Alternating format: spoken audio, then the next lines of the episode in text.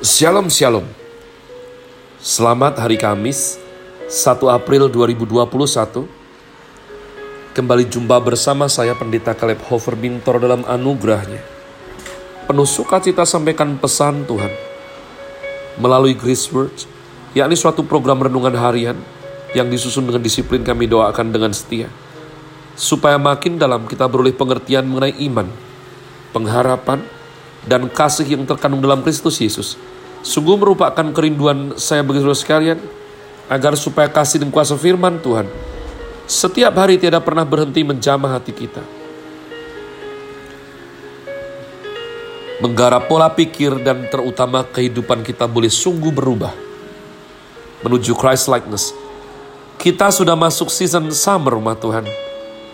Ya, April kita sudah habiskan yakni Januari, Februari, Maret. Dan kita masuk tema bulan ini adalah guide. Menuntun. Chris Word hari ini saya berikan judul Great Man bagian yang ke-10. Great Man bagian yang ke-10, mari kita membuka nats daripada firman Tuhan yang menjadi dasar saya berbagi. 2 Korintus pasal 12 ayat yang ke-9 10. 2 Korintus 12 ayat 9 10 tetapi jawab Tuhan kepadaku, Cukuplah kasih karuniaku bagimu, sebab justru dalam kelemahanlah kuasaku menjadi sempurna. Sebab itu terlebih suka aku bermegah atas kelemahanku, supaya kuasa Kristus turun menaungi aku. Karena itu aku senang dan rela di dalam kelemahan, di dalam siksaan, di dalam kesukaran, di dalam penganiayaan, dan kesesakan oleh karena Kristus. Perhatikan bagian ini. Ya. Jadi Rasul Paulus umat Tuhan, jangan engkau salah atau gagal faham. Dia senang rela ini bukan dalam rangka sadomasokis bukan. Ya. Atau karena kecerobohan atau kesalahan sendiri bukan namun karena Kristus. Sebab jika aku lemah, maka aku kuat katanya. Kita berbicara mengenai Bapak Yusuf umat Tuhan dalam artian belajar sebagai great man. Dan kita kemarin sudah selesaikan ya bagaimana Bapak Yusuf mempunyai jaminan, guarantee in the time of temptation jaminan menang ketika dicobai, ketika digoda umat Tuhan. Nah yang selanjutnya, banyak orang tahan godaan, tapi hidupnya limbung karena luka batin yang pahit sekali. Parah sekali umat Tuhan. Berdarah-darah di dalam. Dan itu menyebabkan dia tidak bisa konsen dalam hidupnya karena dia terjebak di masa lalu. Kalau godaan itu bersifat sesuatu yang daging kita inginkan umat Tuhan. Ya, tidur dengan tante Potifar, saya percaya cantik dan seksi itu itu adalah sesuatu yang ya level pertama Godaan untuk cepat kaya, punya uang banyak, bisnis abu-abu, itu adalah sesuatu yang daging kita inginkan. Namun, untuk menjadi great man, seperti kemarin saya ceritakan mengenai Nelson Mandela yang ya di penjara 27 tahun dengan pahit sekali. Maka Bapak Yusuf mengajarkan kita yakni guarantee in the season of pain. Wow. Garansi, jaminan pada saat hati kita koyak, jiwa kita sakit sekali umat Tuhan. Kita dijahati, kita dikhianati. Guarantee in the season of pain dalam pengalaman hidup saya dalam menangani rasa sakit di hati ini.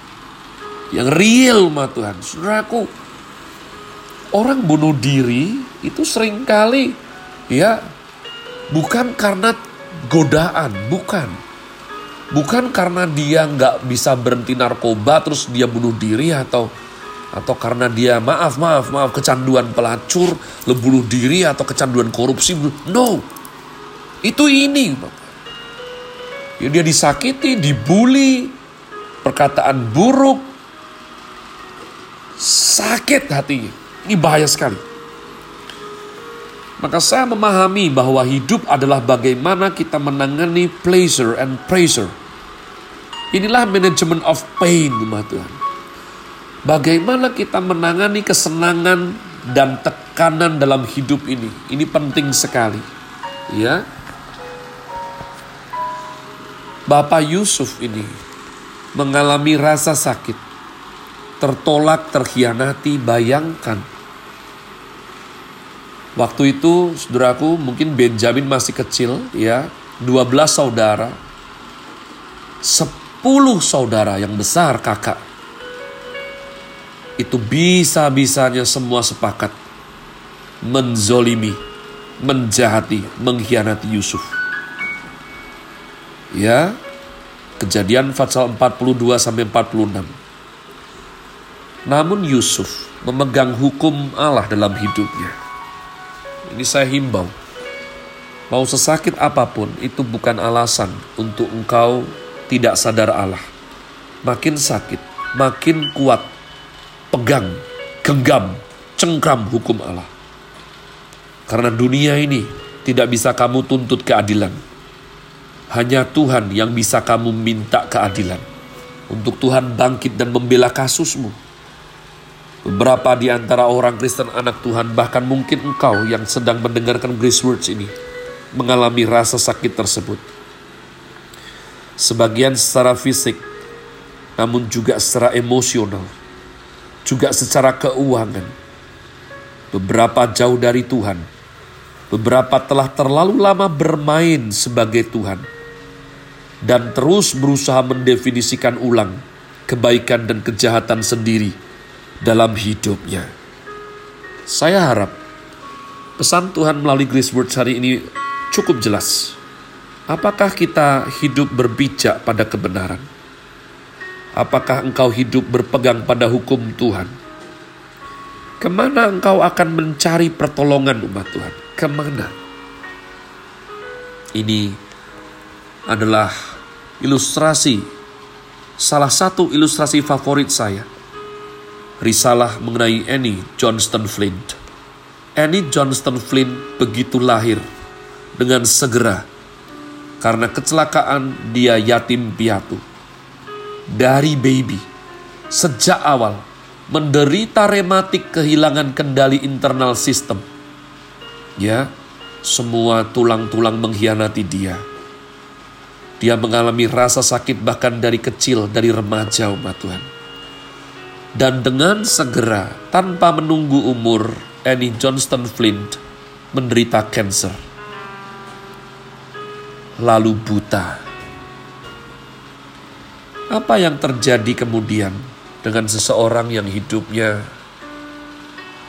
gak kalah pahit dengan Bapak Ayub? Paling tidak Bapak Ayub memandang istrinya, memandang anak-anaknya berpesta, sebelum suatu hari iblis dengan seizin Tuhan menghabiskan dalam sekejap semuanya. Namun Annie Johnston Flynn umat Tuhan,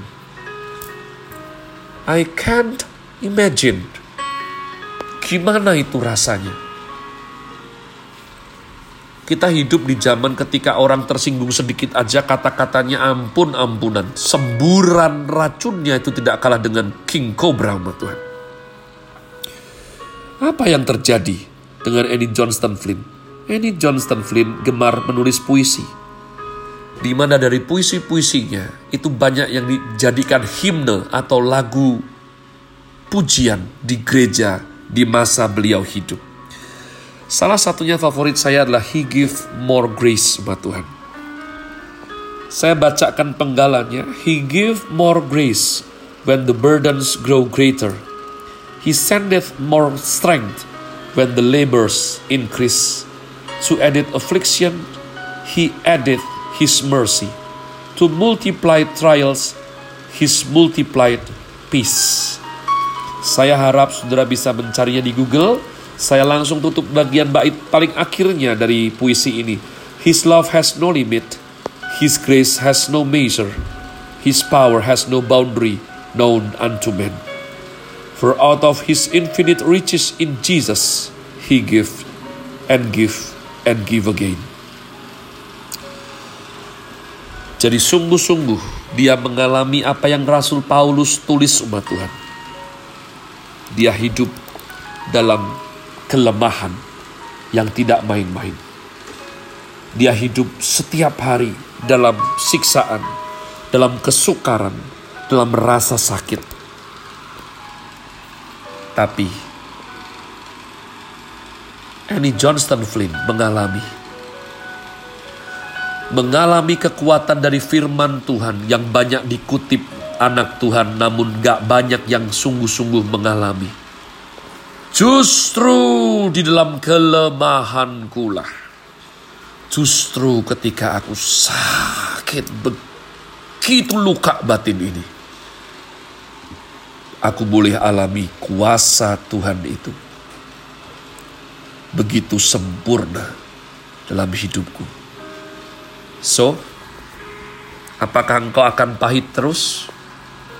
Apakah engkau akan buka hati dan menerima satu-satunya penghiburan yang memuaskan? Yang sepadan dengan rasa sakit seperti apa pun yang Tuhan izinkan dalam hidupmu. Alamilah dan saya berdoa supaya hidupmu bukan merupakan luapan racun dan pahit, tapi merupakan syair puji-pujian yang permuliakan Bapa di sorga. Have a nice day. Tuhan Yesus memberkati saudara sekalian. Sola. Grazie.